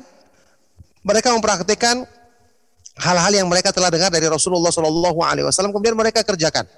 Maka ini bukan seperti yang disangka oleh sebagian orang bahwa Bilal melakukan hal yang diada-adakan atau bid'ah sama sekali tidak karena ada keutamaan-keutamaan dalam hadis yang sahih yang lain yang yang menyebutkan orang yang ketika batal wudhunya kemudian dia berwudhu kemudian dia melaksanakan sholat setelah itu sebagai sholat sunnah, sunnah setelah berwudhu.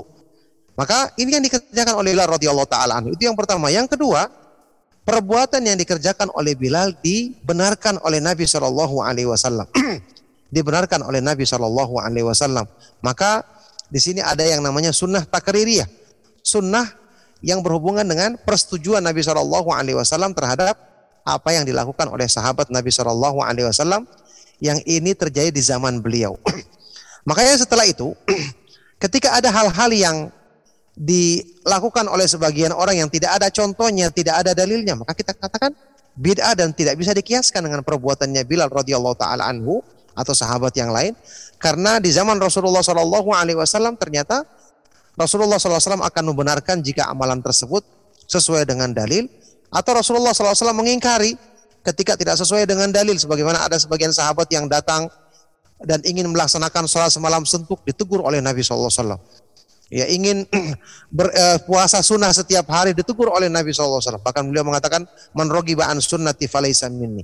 Siapa yang tidak suka dengan cara-caraku dia bukan termasuk golonganku. Maka ada yang berijtihad tapi disalahkan oleh Nabi SAW di zaman tersebut. Setelah zaman ini maka tidak ada lagi wahyu yang turun. Nah oleh karena itu sehubungan dengan pertanyaan tadi ya bahwa orang yang ingin misalnya melaksanakan sesuatu dan menetapi untuk dirinya kita katakan kalau ada dalilnya lakukan kalau ada dalilnya lakukan orang yang ingin menetapi pelaksanaan sholat malam setiap malam dia ingin sholat tahajud. Masya Allah ada dalilnya. Rasulullah SAW melaksanakannya. Bahkan dikatakan dalam hadis yang sahih. Afdalus sholat tiba adal faridah. Qiyamul lail. Salat yang paling utama setelah salat yang wajib adalah qiyamul lail. Orang yang ingin menetapi salat-salat sunnah rawatib ada dalilnya dalam hadis yang sahih. Orang yang ingin melaksanakan salat misalnya duha setiap hari menurut pendapat yang terkuat ini juga ada dalilnya. Boleh. Jadi kalau ada dalilnya kita lakukan diperbolehkan. Cuman jangan kita melakukan sesuatu yang kita uh, pahami sendiri tapi tidak ada dalilnya dari Nabi Shallallahu Alaihi Wasallam dan tidak dilakukan oleh para sahabat radhiyallahu taala anhum. Misalnya ada orang yang berpikir kan sholat sholat berjamaah itu lebih utama dibandingkan sholat sendiri.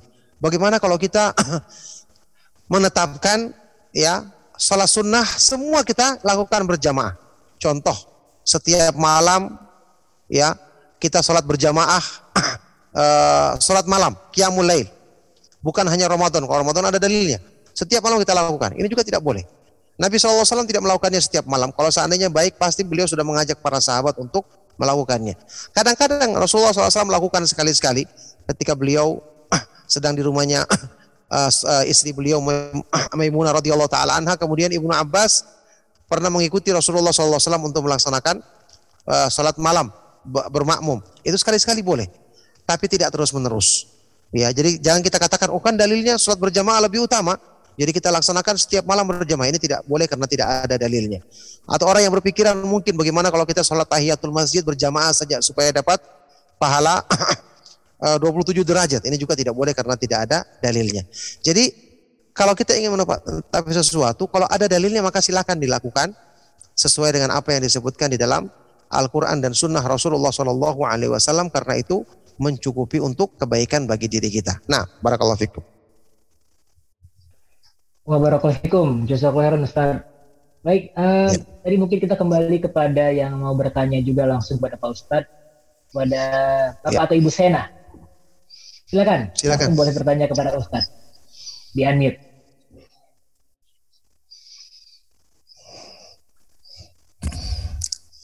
Silakan sana. Oke, Bapak. eh, Hmm. Langsung ke chat aja. Oke. Iya, baik. Ini rupanya saudara kita Sena juga sudah menulis di chat juga. Eh, saya langsung bacakan aja kepada Pak Ustadz. Allah. Ya. Assalamualaikum warahmatullahi wabarakatuh, Pak Ustadz. Saya ingin Waalaikumsalam. bertanya. Saya ingin bertanya, apa Ya. saja kaidah untuk untuk Asmaul Husna agar dapat dipakai sebagai nama makhluk? Dan apa saja Asmaul Husna yang boleh dipakai sebagai nama makhluk? Karena seperti yang kita ketahui bahwa Allah menamai raja dan pembesar di zaman Nabi Yusuf dengan Al-Malik dan Al-Aziz. Dan juga ada imam hadis yang bernama Al-Hakim. Bolehkah juga menamai seseorang dengan nama Luqmanul Hakim? Mohon penjelasannya Pak Ustaz. Iya, barakallahu fikum. Pertanyaan yang sangat baik saya dari beliau, dari ibu ya, yang semoga Allah Subhanahu wa taala senantiasa melimpahkan kebaikan kepada beliau dan kepada kita semua. Iya. Mungkin eh pertanyaannya maksudnya jelas benar, cuman cara membahasakannya mungkin ya. Apa saja di antara nama Asmaul Husna yang dipakai untuk makhluk, yang boleh dipakai untuk makhluk, ya. Asmaul Husna itu adalah nama-nama Allah dan khusus bagi Allah.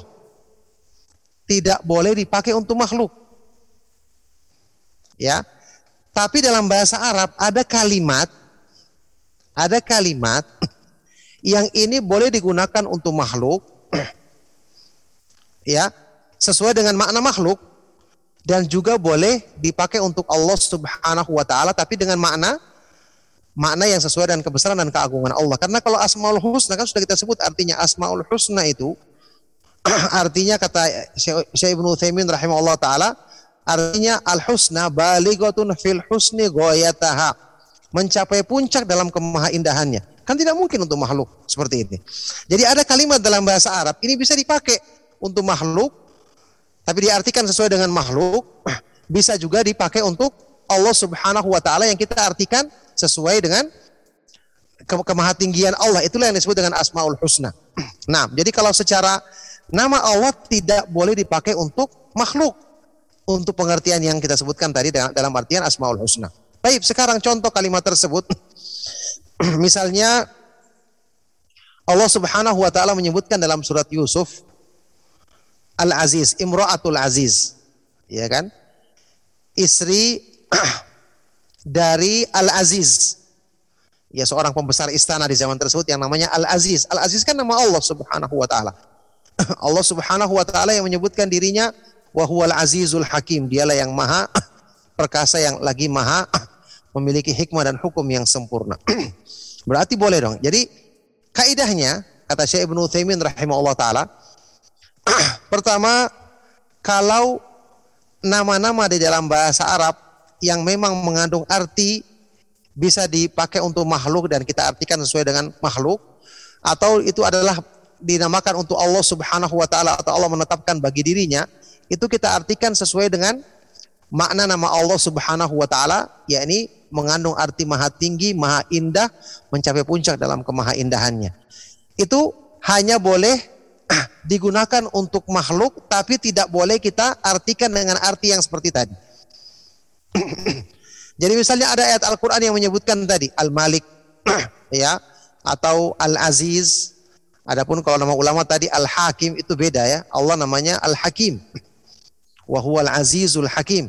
Juga ada Al-Hakam. ya. Jadi beliau mengartikan dari segi makna tidak boleh kita meyakini lafat yang untuk makhluk ini sama dengan makna yang ada pada nama Allah Subhanahu wa taala. Jadi maknanya tidak boleh. Makanya saya bilang tadi uh, pertanyaannya diluruskan, dibenarkan cara mengungkapkannya. Itu yang pertama. Yang kedua, ada juga sebagian dari penjelasan Syekh Ibnu Utsaimin rahimahullah taala atau ulama yang lain mereka mengatakan tidak boleh menggunakan uh, alif lam. Ada yang menambahkan demikian. Adapun masalah uh, dalam surat Yusuf disebutkan Imra'atul Aziz itu adalah bukan orang yang beriman. Dikatakan dia bukan orang yang beriman. Ya ini penamaan yang ada di zaman tersebut. Ini masih diperselisihkan hal ini. Yang yang jelas yang tadi yang disebutkan oleh Syekh Utsaimin tadi adalah yang lebih lebih jelas untuk uh, kita jadikan pegangan yaitu beliau mengatakan penamaan ini untuk makhluk tidak boleh kita yakini kandungan maknanya seperti yang ada pada nama Allah Subhanahu wa taala. Begitu. Jadi ini uh, dan ini hanya sebagian saja, tidak semua dari nama-nama Allah yang boleh digunakan untuk makhluk. Contohnya misalnya Ar-Rahman tidak boleh kita gunakan untuk makhluk karena ini khusus bagi Allah. Apalagi nama Allah tidak boleh kita gunakan untuk makhluk. ya. Jadi yang diperbolehkan secara lafaz tadi yang memang secara lafaz mengandung makna yang bisa diperuntukkan untuk makhluk. Contohnya misalnya makhluk disebutkan bahwa makhluk itu kan makhluk hidup. Kita katakan al-hayyu. ya, makhluk itu al-hayy, hidup dia artinya. Allah Subhanahu wa taala di antara namanya adalah al-hayyu. Tapi kita artikan makhluk, ya hidupnya sesuai dengan makhluk. Berpermulaan dan bisa mati. Adapun Allah Subhanahu wa taala Maha hidup. Tidak berpermulaan, tidak bisa mati, ya. Allah Subhanahu wa taala berfirman, "Wa tawakkal 'alal hayyil ladzi la yamut." Bertawakallah kalian kepada Allah yang Maha hidup dan tidak akan mati selamanya. Jadi secara makna harus dibedakan. Makanya kalau dalam terjemahan kita kan kita katakan kalau Allah itu Maha hidup. Kalau makhluk kita artikan hidup saja. Misalnya kita artikan tadi Al-Aziz untuk makhluk, bahkan kita boleh ngomong untuk saudara kita, ya akhil aziz, wahai saudaraku yang mulia, ya akhil karim, wahai saudaraku yang mulia. Ya, ini boleh kita gunakan dalam bahasa Arab, sifat. Ya akhil aziz, wahai saudaraku yang mulia. Ini kemuliaannya maksudnya kemuliaan yang ada pada makhluk terbatas. Tapi kalau untuk Allah kita katakan Allah adalah Al-Aziz berarti dia maha mulia, maha sempurna kemuliaannya. Al-Aziz maha sempurna keperkasaannya. Begitu. Untuk penamaan dalam masalah ini. Barakallahu fikum. Wabarakatuh. Jazakallah khairan Ustaz. Baik, uh, kita kembali ada yang raise hand ini ingin langsung bertanya kepada Ustadz. Kami ya. persilakan kepada akhwat kita Aledrina Rebelia Surviva. Silakan uh, langsung diunmute saja dan langsung bertanya kepada Ustadz. Uh, Assalamualaikum warahmatullahi wabarakatuh Ustadz dan host. Waalaikumsalam. Uh, mohon izin, uh, saya pernah ikut satu pelatihan Asmaul Husna di Kuala Lumpur dengan Profesor dan itu sampai sekarang ini alhamdulillah uh, setiap artinya setiap uh, every single of my breath ya setiap saya berbicara saya gunakan. Misalnya begini uh, ada teman saya mengatakan uh, oh iya ibu nanti kita ketemu jam 7 misalnya begitu Pak Ustadz. Lalu saya ya. mengatakan insya Allah Allah ya bari Allah ya jami artinya insya Allah Allah yang uh, mengaturkan langkah kita, Allah akan mengumpulkan kita dalam majelisnya Allah. Nah, itu Ustaz salah satunya ya. Kemudian juga kalau saya sholat, uh, saya pernah, saya baru belajar, baru belajar. Kalau kita setiap sujud berdoalah. Jadi setiap saya sujud, saya misalnya mau izin Ustadz menyebutkan begini.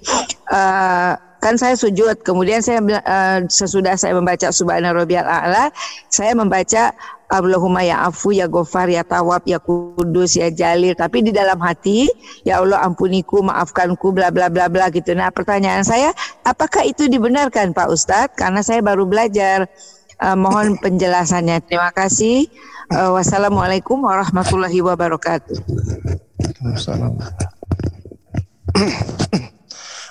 Ya, barakallahu fikum. Pertanyaan sangat baik sekali dari Ibu ya, yang semoga Allah Subhanahu wa taala senantiasa menjaga beliau dalam kebaikan, melimpahkan rahmatnya kepada beliau dan kepada keluarganya maupun kepada kita semua. ya, uh, pertama tentang masalah pelatihan Asmaul Husna yang disebutkan tadi. Ya, maaf Ibu saya ini saya tidak tahu persis ya eh, bagaimana bentuk pelatihan tersebut. Cuman yang saya biasa dengar, yang biasa saya dengar, ya yang namanya pelatihan-pelatihan seperti ini itu kebanyakannya tidak diambil dari dalil yang sesuai dengan Al-Quran dan Sunnah dengan pemahaman para sahabat radhiyallahu taala anhum ajmain. ya mudah-mudahan apa yang ibu e, dapati tadi tidak termasuk yang yang saya katakan salah tadi. Cuman yang saya ketahui selama ini begitu kebanyakannya. Kemudian e, biasanya sumber juga sumbernya narasumbernya siapa? Ya mungkin dia adalah seorang profesor dalam bidang ilmu ilmu dunia tapi belum tentu dalam dalam bidang agama. ya, dalam bidang agama kita harus tahu latar belakangnya dia belajar di mana. Kemudian ketika dia menjelaskan ini harus dia menukil dari keterangan para ulama ahlu sunnah wal jamaah. Al-Quran ada tafsirnya, harusnya dia bisa menukil dari tafsir tersebut agar dia tidak menafsirkan sendiri dari nama-nama tersebut. ini tentu saya tidak menghukumi apa yang tadi Ibu katakan pelatihan, saya cuma berikan gambaran secara umum supaya nanti dari gambaran umum ini kita bisa menghukumi yang selanjutnya. Baik. Masalah kita eh, berdoa dengan nama-nama Allah Subhanahu wa taala yang maha indah dengan apa yang tadi Ibu sebutkan, kita sebutkan nama-nama Allah. ya, misalnya dalam sujud kita. Kan Rasulullah SAW jelas berdoa ada bersabda ya, akrabu ma yakunul abdu min rabbih wa huwa sajid fa aktsiru du'a fihi. Dalam sahih Muslim hadis sahih. Sedekat-dekatnya seorang hamba dari Allah dari Robnya adalah ketika dia sujud maka perbanyaklah doa padanya. Kita baca dulu doa sujud. Baru kita perbanyak doa. Sebaik-baik doa yang kita perbanyak adalah dari Al-Quran atau dari hadis-hadis Rasulullah SAW atau doa yang lain yang sesuai dengan keinginan kita. Ya apa yang tadi ibu sebutkan ketika menyebutkan ya Ghafur ya ya Kudus ya Rahim dan seterusnya. Kemudian ibu niatkan dalam hati mohon pengampunan. Ya. Jadi yang benar seperti contoh di dalam sunnah Rasulullah SAW harusnya kita sebutkan lafat nama Allah baru kita sebutkan permintaan. Ini namanya berdoa dengan asmaul husna yang diperintahkan di dalam firman Allah walillahil asmaul husna fad'uuhu biha dan Allah memiliki nama-nama yang maha indah maka berdoalah kalian dengan nama-nama Allah itu jadi Rasulullah SAW ketika menyebut nama Allah disebut permintaannya setelah itu. Jadi jangan jangan cuma sebut nama, jangan cuma sebut nama, sebutkan permintaannya. Dalam hati tidak cukup karena namanya doa, bacaan Al-Quran atau zikir itu adalah ibadah yang disyariatkan untuk dilafatkan. Untuk dilafatkan. Makanya Rasulullah SAW diketahui bacaan beliau dari gerakan gerakan janggutnya. Berarti beliau menggerakkan bibirnya. Jadi misalnya kita meminta ampun, Ya Allah ampunilah dosa-dosaku sesungguhnya engkau adalah Al-Ghafur Ar-Rahim. Rasulullah SAW berdoa, Rabbi gfirli wa tuba alaiya innaka anta at-tawwabur rahim.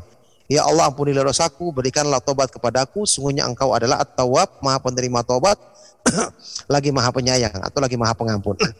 Jadi kita sebutkan permohonan, jangan cuma sebut nama, tapi sebutkan setelah itu permohonan kita agar bersesuaian kita sampaikan permohonan yang sesuai dengan nama Allah yang kita sebut dalam permintaan tersebut. Inilah gunanya kita pelajari tentang kandungan nama-nama Allah agar kita bisa manfaatkan untuk doa kita karena ini termasuk yang diperintahkan dan dicintai oleh Allah Subhanahu wa taala diperintahkan di dalam Al-Qur'an dalam ayat yang saya sebutkan tadi. Makanya kalau untuk masalah doa dalam sujud harusnya kita amalkan seperti itu. Kemudian dalam percakapan sehari-hari tadi. jadi ini ibu kaidahnya begini. Segala sesuatu kalau itu baik Pasti telah dicontohkan oleh Rasulullah SAW dan para sahabat. Bahwa tadi ibu ketika ada yang bicara, ibu mengatakan insya Allah ini sudah benar karena ada perintahnya di dalam Al-Quran, di dalam hadis-hadis yang sahih. Tapi kalau kita harus sebutkan semua nama Allah, maka ini juga tidak mesti demikian. Tidak mesti demikian. Cukup kita katakan misalnya, insya Allah, ya semoga Allah Subhanahu Wa Taala mudahkan untuk kita bertemu. Ini sudah cukup. Ini sudah cukup karena perenungan tentang nama-nama Allah Subhanahu wa taala dan berzikir dengan Asmaul Husna tidak mesti kita harus sebutkan dalam setiap pembicaraan kita.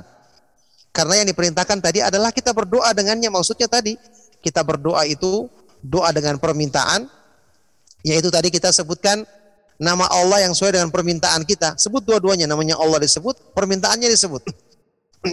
ya.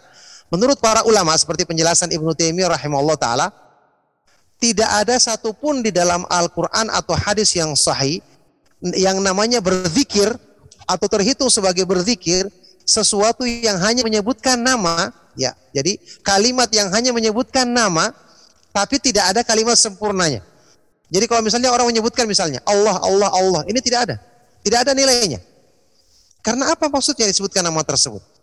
Semua zikir yang disyariatkan dalam kalimat yang sempurna. Makanya subhanallah. Kalimat sempurna. Maha suci Allah. Iya kan? Alhamdulillah. Segala puji bagi Allah. La ilaha illallah. Tidak ada sembahan yang benar selain Allah. La haula wala quwata illa billah. Tidak ada dari kekuatan kecuali pertolongan Allah. Subhanallahil azim, subhanallah wa bihamdi semua. Tidak ada cuma penyebutan nama saja. Ini tidak ada zikir yang disyariatkan dalam Islam seperti ini katanya. Yang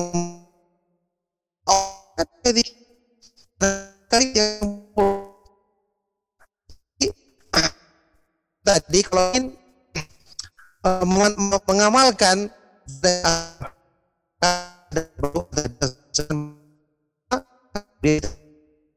baik di awal maupun di akhir nama Allah yang sesuai dengan permintaan kita atau karena doa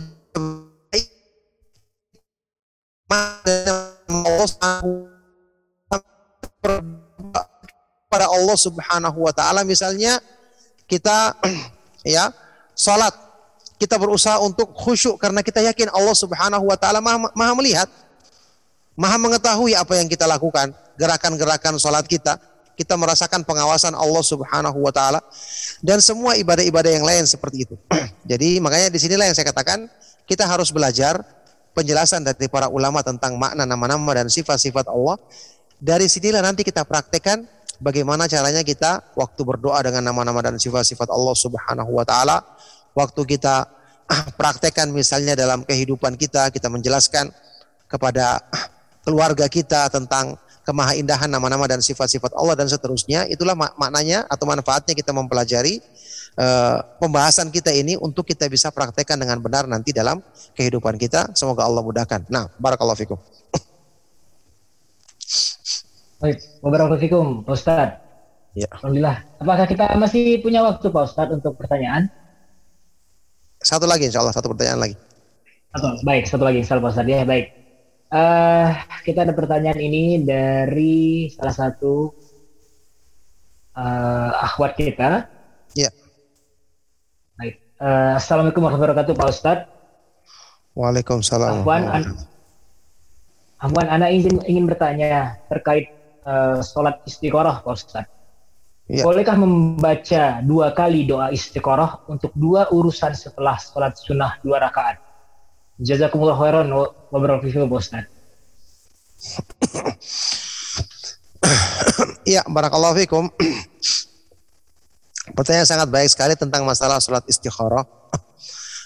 uh, orang yang uh, ada dua urusan yang dihadapinya, kemudian dia melaksanakan sholat istikharah sekali saja. Setelah itu dia sebutkan uh, dua urusan tersebut dalam doanya. Apakah diperbolehkan?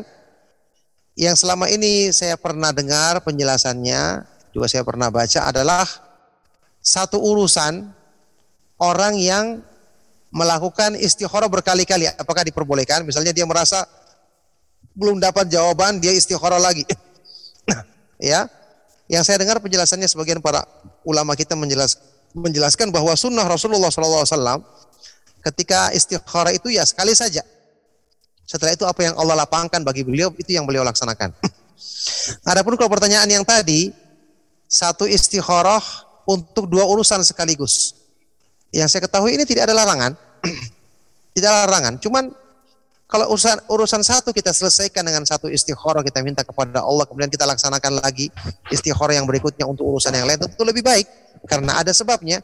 Tapi kalau kita ingin gabungkan, yang saya ketahui ini tidak ada larangan. Ya, tidak ada larangan. Yang penting kita sedang menghadapi satu masalah, kita mohon pertolongan kepada Allah Subhanahu wa taala agar dipilihkan yang terbaik. Ternyata masalah kita lebih dari satu, maka tidak mengapa. Kita sebutkan di dalam istikharah kita, di dalam doa istikharah kita lebih dari satu urusan yang kita mohon kepada Allah Subhanahu wa taala agar dipilihkan yang terbaik dari uh, satu atau lebih dari satu urusan tersebut. Nah, barakallahu fikum. Mudah-mudahan apa yang kita bahas dan kita kaji juga pertanyaan yang kita jawab bisa memberikan manfaat untuk kebaikan dunia dan akhirat kita. Mohon maaf jika ada kata-kata yang salah dan kurang berkenan. Saya cukupkan sampai di sini.